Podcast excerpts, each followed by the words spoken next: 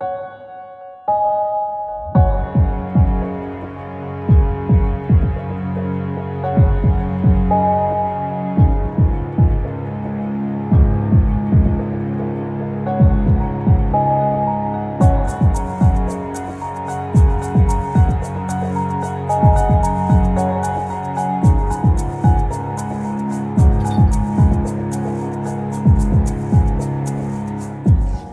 Hallo allemaal en welkom bij een nieuwe aflevering van Radio Savannah, de podcast van Boekhandel Savannah B. Ik ben Suzanne.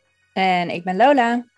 En Boekhandel Savannah B is een boekhandel in het centrum van Utrecht. Wij zijn gespecialiseerd in feministische literatuur. Voor ons wil dat zoveel zeggen als literatuur op het snijvlak van gender, queerness, postkolonial en het klimaat. En uh, wij komen deze week tot u met ons beproefde recept inmiddels, het boekenplankje. Het boekenplankje. Waarin we jullie even bijkletsen over uh, nieuws uit de winkel. Wat is er zoal gebeurd? Wat staat er te gebeuren? Wat zijn de boeken die wij in het zonnetje willen zetten? En wat zijn de boeken die wij persoonlijk zelf op ons boekenplankje willen zetten?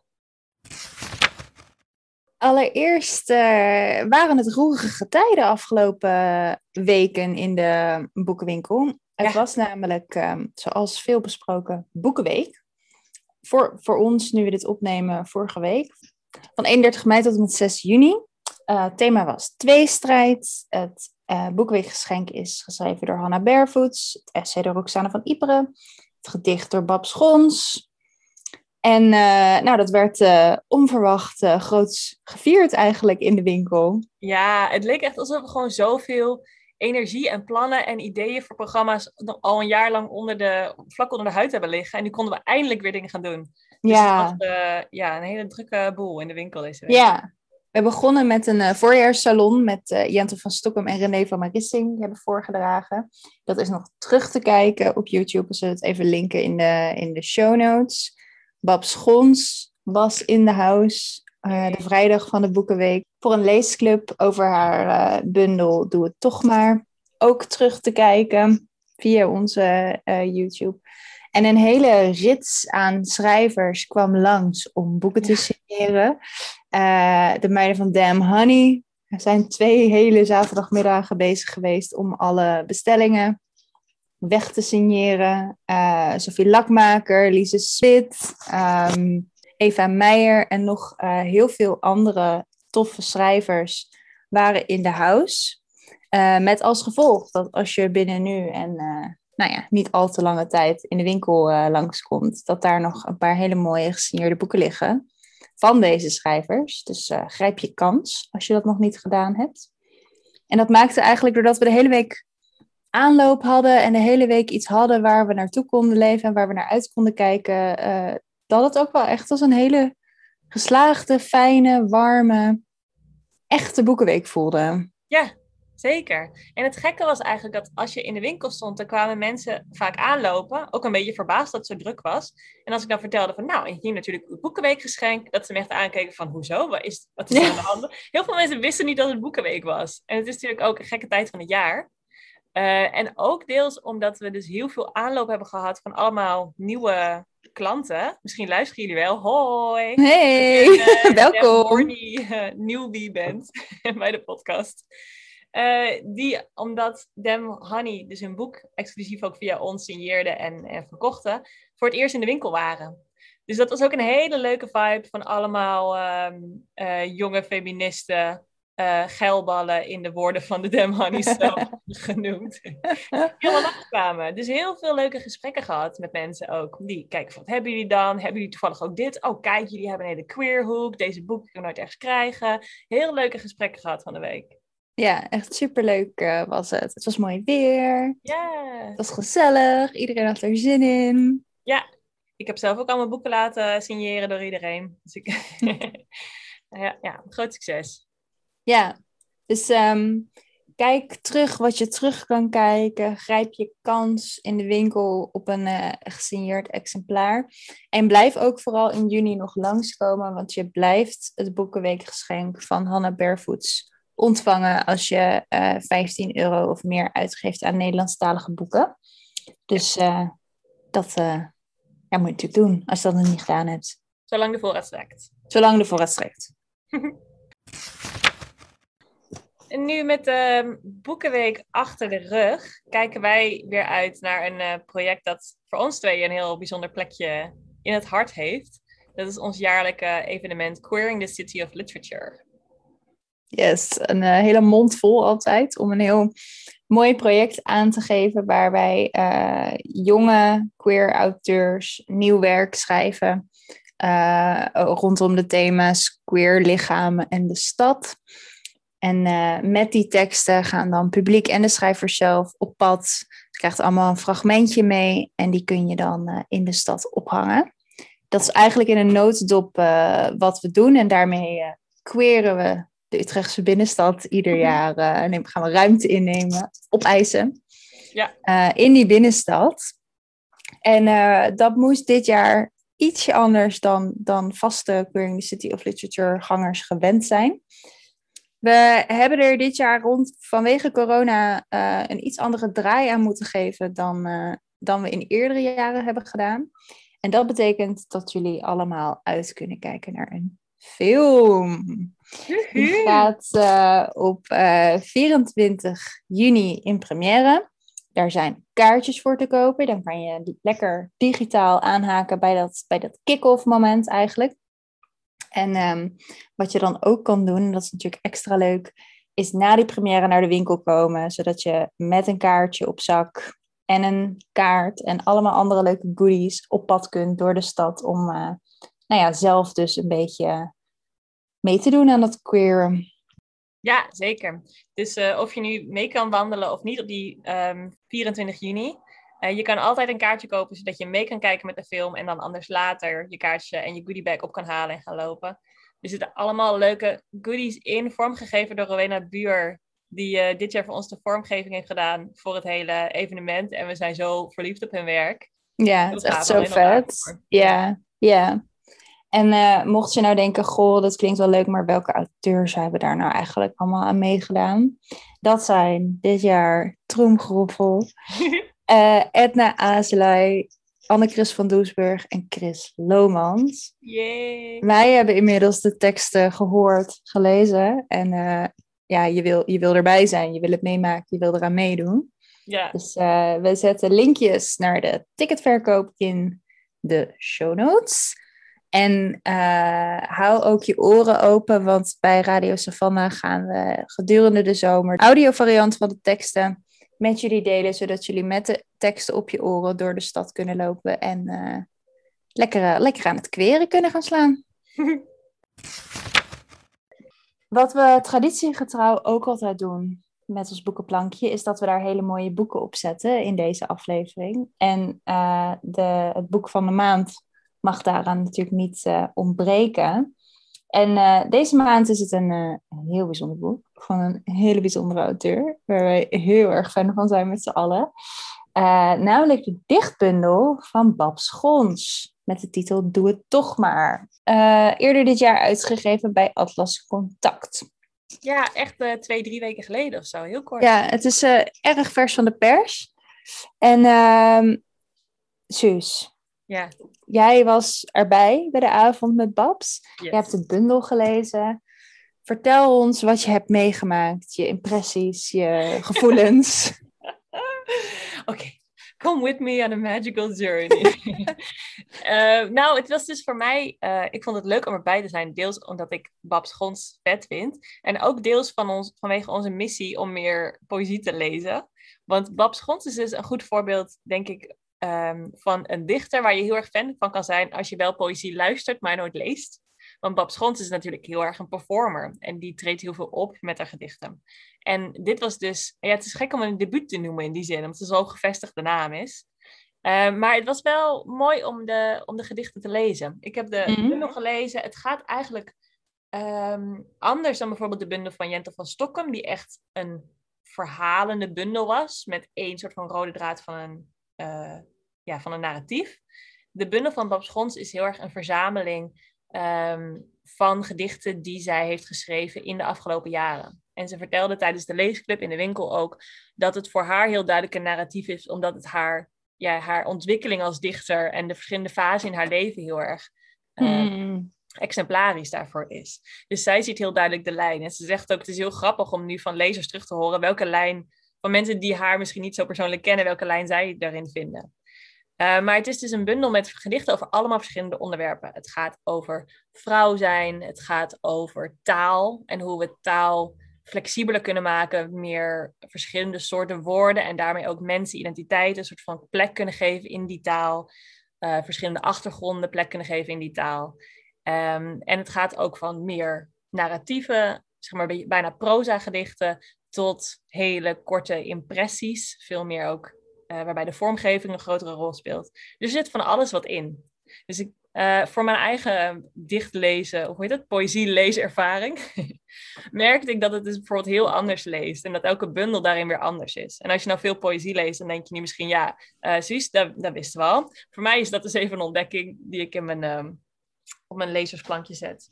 Maar het was ook gewoon gaaf om uh, Babs in de winkel te hebben en om er te horen praten over de werk. Dus we hebben het gehad over uh, hoe de bundel tot stand is gekomen, hoe ze bepaalde gedichten selecteert, uh, wat zij ziet als de rol van de dichter en of je daar eigenlijk wel iets over kan zeggen. Uh, wat heel veel leuke vragen ook van de, van de mensen thuis. Dus het was een, eh, een geanimeerd gesprek. En op het einde hadden we nog een kleine primeur die voor ons wel heel leuk was, omdat wij dus heel erg in de Damn Horny sferen zaten afgelopen weken. Bab Schons heeft dus ook een gedicht geschreven voor Damn Horny, wat ze heeft voorgedragen tijdens de leesclub. Dus als je dat uit haar eigen mond wil horen en de grote soort van uh, schunnige hilariteit van het publiek in de winkel op de achtergrond wilt horen, luister dan vooral even naar de livestream. De rode oortjes van iedereen die, uh, ja, en uh, check ook Damn Horny, het boek van erotische verhalen. Geschreven door de hosts van. Of nee, samengesteld door de hosts van Damn Honey. Met allemaal erotische verhalen geschreven vanuit nou ja, alle perspectieven die niet cis-wit man zijn, hetero man zijn. Kan je gewoon lekker induiken. Het is toch al warm. Dan, ja. lean in. Sis, kun jij ons nog een. Um, voorproefje geven. Een soort van sampler geven van uh, de bundel van Babs. Yes. Dit is een uh, stukje uit het openingsgedicht. Uh, doe het toch maar één. Er zitten volgens mij drie gedichten in die zo heten. En dat gaat als volgt. Doe het toch maar. Zeg dat maar tegen jezelf. Op die momenten dat je niet meer weet waar je het voor doet. Waarom je soms weken, maanden, soms zelfs jaren aan het kouwen bent op een mond vol klank. Waarom je zoveel moeite doet om de beelden uit je hoofd te vertalen en verhalen te vertellen die zich door je huid een weg naar buiten dringen.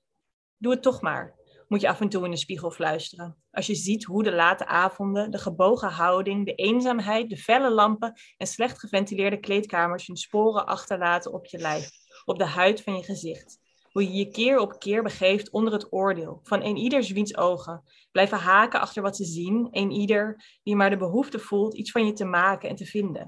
En dat hardgrondig te delen met de rest van de wereld. Doe het toch maar. Ook al lachen ze je kunst uit, bezuinigen ze je werk weg, vinden ze je een linkse hobby, vinden ze dat je maar normaal moet doen. Doe het toch maar. Schrijf dat voor jezelf op een briefje. Als de verleiding groot is om iets te gaan doen waarvan je zeker weet dat je volgende maand de huur kan betalen en je zoon straks kan gaan studeren. Doe het toch maar. Herhaal dat tegen jezelf. Als je je weer eens realiseert dat je de wereld nooit zal veranderen. Met een handvol kunstzinnige, gerangschikte zinnen. Geen oorlog zal je ermee beslechten. Geen hart zal door jou niet breken. Je zal de eenzaamheid van de buurvrouw niet kunnen wegschrijven. En de rotziekte van een geliefde niet genezen. Wat is het dan in hemelsnaam waard? Doe het toch maar. Ook nadat je tot bloedens toe op deuren hebt geklopt die dicht voor je blijven. Bouw je eigen huizen. Wacht niet tot ze je uitnodigen. Vier je eigen feestje. Doe het toch maar. Klim maar uit bed op die ochtenden dat de vermoeidheid je hoop en ledematen lam legt. Ook als je denkt dat de wereld je niet lijkt op te merken en nog minder zit te wachten op jou en je verhalen. Vertel ze toch maar. Doe het gewoon. Want ergens weet je dat dit het enige is waardoor je in vrede met jezelf en de wereld kan leven. Mm. Mooi. Dan gaan we nu over naar het, uh, ja, wat voor ons toch ook weer een hoogtepuntje is, omdat we deze rubriek zelf zo leuk vinden. en dat is namelijk ons gloednieuwe boekenplankje. Uh, daar staan inmiddels al een paar boeken op. Onder andere Hamlet van Maggie O'Farrell en Dit was mijn leven als mens van Joke van Leeuwen. En uh, vandaag komen daar twee nieuwe bij. Dit zijn de boeken die Lola en ik gewoon voor het leuk aan het lezen zijn en zo van onder de indruk zijn dat we ze graag eh, hier even willen bespreken met elkaar en met jullie. Lola, heb jij nog wat moois gelezen afgelopen week? Tuurlijk. Een boek waar ik nog veel, wat me nog veel bij is gebleven, is uh, The Adventures of China Iron. Geschreven door Gabriela Cabezon Camara. Dit boek kwam op. Het is waarschijnlijk niet een boek waar veel mensen van hebben gehoord. Dus ik geef even, eerst even wat context. Mhm. Dan duiken we erin. Don't worry. Het gaat gebeuren. Ehm, dit boek kwam op mijn radar omdat ik met mijn leesclub de genomineerde voor de International Man Booker Prize ging lezen, een paar jaar, uh, twee jaar geleden. En uh, dit boek, The Adventures of China Iron, uh, stond op de lijst. Is oorspronkelijk in het Spaans verschenen. Gabriela Cabezon Camara is een Argentijnse schrijver, best wel gevestigde naam daar. En dit boek in vertaling van Fiona McIntosh en Iona McIntyre. Uh, was dus, dus op de genomineerde lijst. Heeft niet gewonnen. Uh, de uh, winnaar dat jaar was Marieke Lucas Rijneveld. Onze eigen Marieke Lucas. met The Discomfort of Evening, de vertaling van De Avond is Ongemak. maar ik heb dit boek toen dus gekocht, niet gelezen. En laatst dacht ik ineens, ik pak dit boek erbij. En um, ik was er eigenlijk wel heel erg van onder de indruk. Juist omdat het dus een beetje een random boek is voor iemand in Nederland om te lezen. Wat ook weer de waarde van zo'n internationale prijs eigenlijk weer um, bevestigt. Uh, dat het dus echt wat kan betekenen voor auteurs die misschien in hun eigen land heel bekend zijn, maar daarbuiten niet of nauwelijks gelezen worden. Um, voor zover ik weet is er ook nog geen Nederlandse vertaling. Dus vandaar dat ik hem uh, in het Engels heb gelezen. Ik denk dat het belangrijkste wat dit boek mij geleerd heeft, is hoe weinig ik weet over Argentinië. Mm. Wat dus betekent, ik heb wel even tijdens het lezen en ook wel daarna een beetje geresearched, omdat ik na het lezen van dit boek dacht, wat heb ik nou eigenlijk tot me genomen? Uh, dus toen ben ik even aan de Google geslagen. Um, dat kan wel betekenen dat ik misschien dingen niet helemaal goed zeg of een beetje kort door de bocht zeg. Dus ik ga wat links toevoegen aan de show notes, zodat uh, als je dit interessant vindt, je ook kan, uh, verder kan lezen. Dus neem dat mee in de komende vijf minuten van de podcast. Um, want dit boek uh, speelt zich af in 1872 en is een hervertelling van een klassiek Argentijns gedicht over een gaucho. En een gaucho uh, was dus een Argentijnse cowboy die op de hele uitgestrekte velden daar uh, rondbanjerde. En die gauchos zijn eigenlijk verheven tot een soort van nationaal symbool, wat heel erg tot een soort cultureel, ja, culturele mythe eigenlijk, die ook dus, er bestaat dus ook zoiets als gaucho-literatuur. Um, en uh, die figuur wordt heel erg binnen de Argentijnse cultuur ja, op een voetstuk gezet. Als een soort van ideale man. Machismo hangt er omheen. Heel interessant. Um, en een bekendste voorbeeld van Gaucho literatuur is een gedicht dat heet Martín Fierro, geschreven door José Hernández in 1872. En dit boek The Adventures of China Iron is een hervertelling van dat gedicht. Dus wij volgen de vrouw van uh, Martine Fierro, de hoofdpersoon uit dat gedicht. Die eigenlijk, zij wordt heel kort eventjes genoemd. En dit boek zet haar eigenlijk in, de, in het hart van het narratief. En laat haar uh, Argentinië ontdekken en daarmee zichzelf ontdekken. En geeft haar eigenlijk een soort agency die ze uh, in haar huwelijk met die gaucho totaal niet had.